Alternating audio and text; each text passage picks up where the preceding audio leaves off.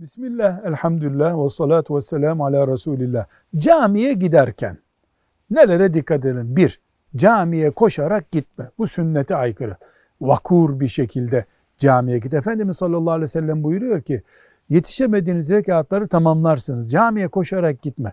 İki, abdestini evde alıp, iş yerinde alıp gitsen daha iyi olur camiye, cami mıntıkasına tertemiz gir.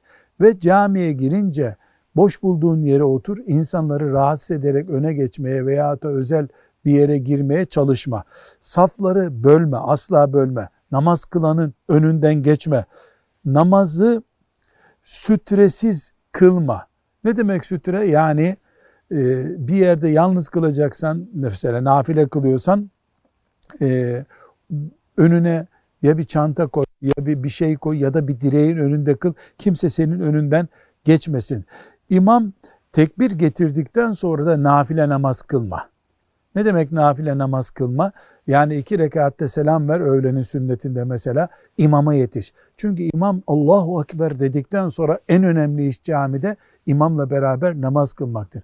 Dünya işi camide yapma. Telefondu vesaireydi. O tip işleri bitirmiş olarak camiye gir ve camide Allah'ın evinde misafir olduğunu sakın unutma. Edep ölçün bu olsun. Velhamdülillahi Rabbil Alemin.